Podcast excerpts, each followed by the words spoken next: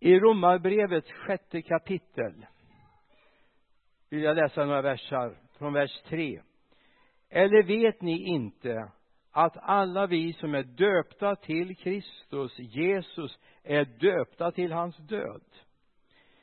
Vi är begravda med honom genom dopet till döden för att leva det nya livet.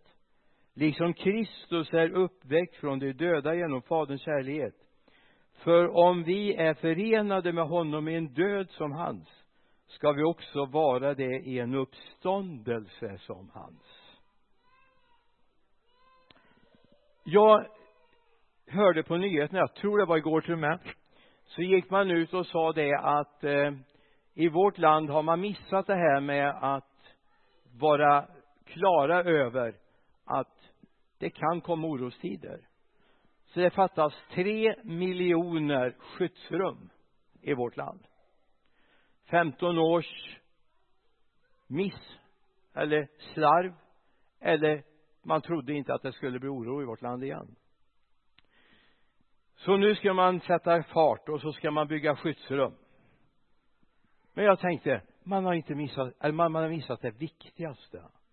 I 40 50 år egentligen från 1920 om vi vill ta det riktigt på allvar så har man slarvat med det absolut viktigaste för en nation och det är de kristna värdena. Man började avrusta. Det togs beslut i vissa partier att inom en generation så skulle man inte tala om Jesus i skolan eller i offentliga miljön. Det fanns ett beslut på ett partistämma. Och det är inte bara ett parti det är fler partier som har den här synen man vill skilja mellan. Och jag vill säga det är absolut det största missen man har gjort för vårt land. Idag skördar vi problemet. Ökad behov av psykofarmaka för unga människor. Vi har väldigt många unga människor som tar sitt liv i det här landet jag tror det här är viktigare än att vi har missat skyddsrum. Det är viktigare än att man försöker göra åtgärder och öka inom psykiatrin. Det viktigaste är att man får en grund att stå på. Ryck undan grunden och människor faller. Ryck undan grunden och det blir problem. Därför är det så gott att få vara i en sån här stund där vi vågar säga Jesus och vi vågar säga det högt. Och vi vågar säga att vi tror på Jesus. Han är vår frälsare. Det är honom vi lever och dör tillsammans med. Vi tror på Jesus och vi älskar honom av hela vårt hjärta.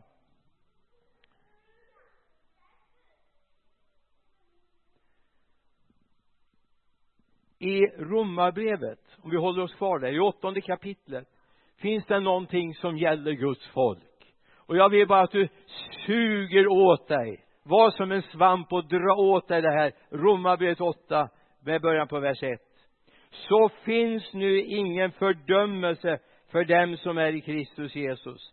Livets andes lag har i Kristus Jesus gjort mig fri från syndens och dödens lag nu finns ingen fördömelse i andra översättningar. Nu finns ingen fällande dom för dem som tillhör Kristus Jesus. Jag menar tänk vad gott att få suga åt sig. Det här gäller mig. Det här gäller oss. Det här gäller Guds folk. Det finns ingen fällande dom för oss som har överlåtit våra liv till Jesus de som är i honom är fria. Känner du det? I en trasig värld så känner du att du hör hemma i den här världen, eller hur?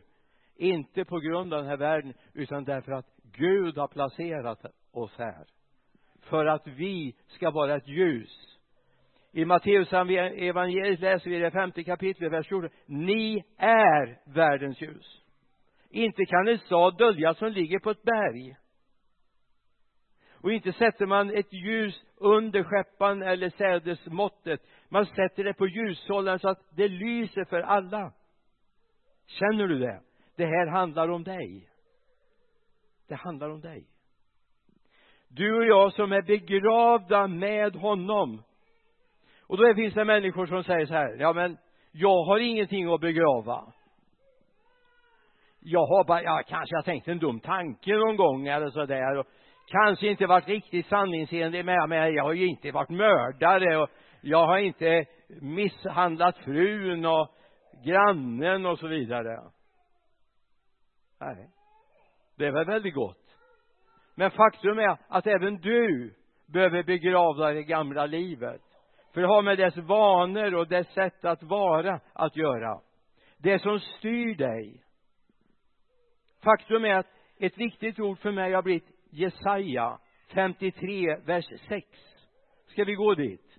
Jesaja 53 vi kan läsa från vers 5 han blev genomborrad för våra brott slagen för våra synder. Straffet blev lagt på honom för att vi skulle få frid och genom hans sår blev vi hela. Och så kommer vers 6 lyssna. Använd båda öronen nu jag på att säga använd båda öronen och stäng munnen. Så att det inte rinner ut. Men du får gärna säga att amen eller halleluja. Vi gick alla vilse som får. Var och en av oss ville vandra sin egen väg. Men all vår skuld la han på Herren. All vår skuld la han på Herren på honom. Varför då? Alltså bibeln säger egentligen finns inte stora och små synder. Grunden är när jag inte går med Gud längre. Jag får vara hur vänlig som helst och det här är ju ett problem ibland när vi har vittnat för mig men jag har aldrig gjort något ont. Jag är snäll mot frun och jag är snäll mot grannarna och jag är generös och så vidare. Men det frälser dig inte. För om du gör det av egen e- kraft av egen energi så är det jag ville gå min egen väg jag vill inte underordna mig Gud och det han har betalat. Och det är viktigt att vi ser att Gud faktiskt vill att vi ska komma till honom. Kan du tänka dig? Gud dog eller lät sin son dö för att vi inte ville gå med honom. Gud lät sin son dö för att människorna inte ville gå med honom. Var och en ville vandra sin egen väg. Så det man begraver det är sitt gamla längtan att göra det jag vill. Och så erkänner vi Gud i himlen. Han kan mer och vet bättre än jag. Kan du tänka dig? Alltså du är ju dig själv närmast, eller hur? Ändå är Gud närmare dig. Gud har skapat dig. Gud hade en plan när du föddes redan i moderlivet utvalde du mig säger profeten. Paulus säger likadant att redan i moderlivet utvalde han mig och kallade mig med sin heliga kallelse. Du det gällde inte bara dem det gällde dig också. Och då säger någon så här, ja men jag är född utanför äktenskapet jag är född på grund av det och mina föräldrar var inte kristna och så vidare. Har ingen betydelse. Gud såg till dig ändå. Tänk om det bara var du och jag som är uppvuxna i kristna hem som hade en chans. Även den människa som till och med kanske på grund av brott har kommit till ser Gud. Alltså för mig har Gud blivit så stor. När jag får vara med och vittna för människor som eh, lever långt utanför. Jag har nog besökt många av de kvartar som finns i tvåstadsområdet suttit med människor i spyorna och ändå kunna få den här bilden redan i moderlivet utvalde Gud dig. Ta till dig det. Även den som är född långt bort och inte vet någonting om till och med i en annan religion Gud har en kallelse redan i moderlivet. Vilket vilken nåd. Och en dag när vi har begravt vår gamla människa i dopet så uppstår vi och här ska vi se till ett nytt väsende liv står det i gamla 1917 ursäkt till ett nytt liv står det bara. Jag tittade lite grann på det ordet nytt liv. Lyssna. Det står för någonting som inte du har varit i närheten av förut. Alltså nytt är verkligen nytt. Det är inget nygammalt, det är inget nyupptäckt utan någonting helt nytt så när du begraver den gamla människan så kommer du inte upp naken och utan någonting identitet. Du får en ny identitet i Kristus. Alltså det här är därför jag, jag är baptist ut i fingerspetsarna. Därför jag tror på den personliga avgörelsen att jag beslutar mig för att dö, låta döpa mig. Jag beslutar mig för det. Därför jag har upptäckt jag får uppstå till ett, ny, ett nytt liv det är inte någonting som är ny eller prövat eller som man har gjort förut utan något helt nytt. Du är, har stått upp till något helt nytt. Amen. Känner du det? Alltså jag hade inte det här klart för mig när jag var 18 år och döptes nyfrälst. Eh, kom ur ett ganska brokigt liv även om mina föräldrar var kristna överlåtna kristna och hängivna kristna så var inte jag det men det fanns en brytpunkt. En kväll när jag kom hem efter festen. Och jag var på pojkrummet och det var tyst. Och jag bara kände mitt liv håller på att rinna iväg. För när jag var fem år så upplevde jag kallelsen till att bli en tjänare åt Gud. Nu var jag 18 år det har gått några år sedan dess. Och Gud kallade på mig på nytt så böjde jag mina knän vid pojksängen och sa Gud vill du så ta hand om mitt liv? Och han gjorde det. Jag döptes. Jag avklädde mig min gamla människa och jag uppstod till ett helt nytt liv. En kallelse att få tjäna honom. Jag visste inte var jag skulle ta vägen. Jag gjorde värnplikten. Jag skrev kontrakt med ett företag att jobba borta i Falköping som eh, chef på ett större företag där som passade till den utbildning jag hade. Men Gud bröt det. Jag har någonting helt nytt till dig. Och nu har jag hållit på i 50 år. Visst är det underbart. Att få på att tjäna Gud. Ända till jag lägger upp mina fotsulor och tackar för mig och flyttar härifrån och hem. In i paradisets värld. Får jag vara med och tjäna honom. Därför att Gud gjorde någonting när Simon Hjalmarsson hemma i Victoriakyrkan i Mariestad döpte mig tillsammans med tre andra syskon.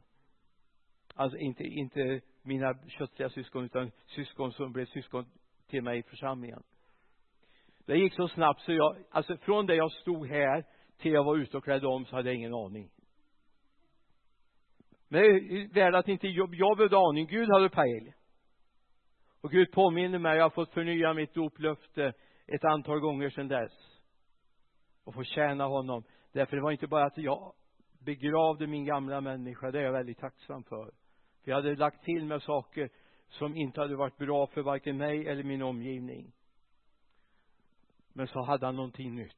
Han bara inte tvättade av mig. Han gav mig någonting helt nytt. En helt nya kläder en ny dräkt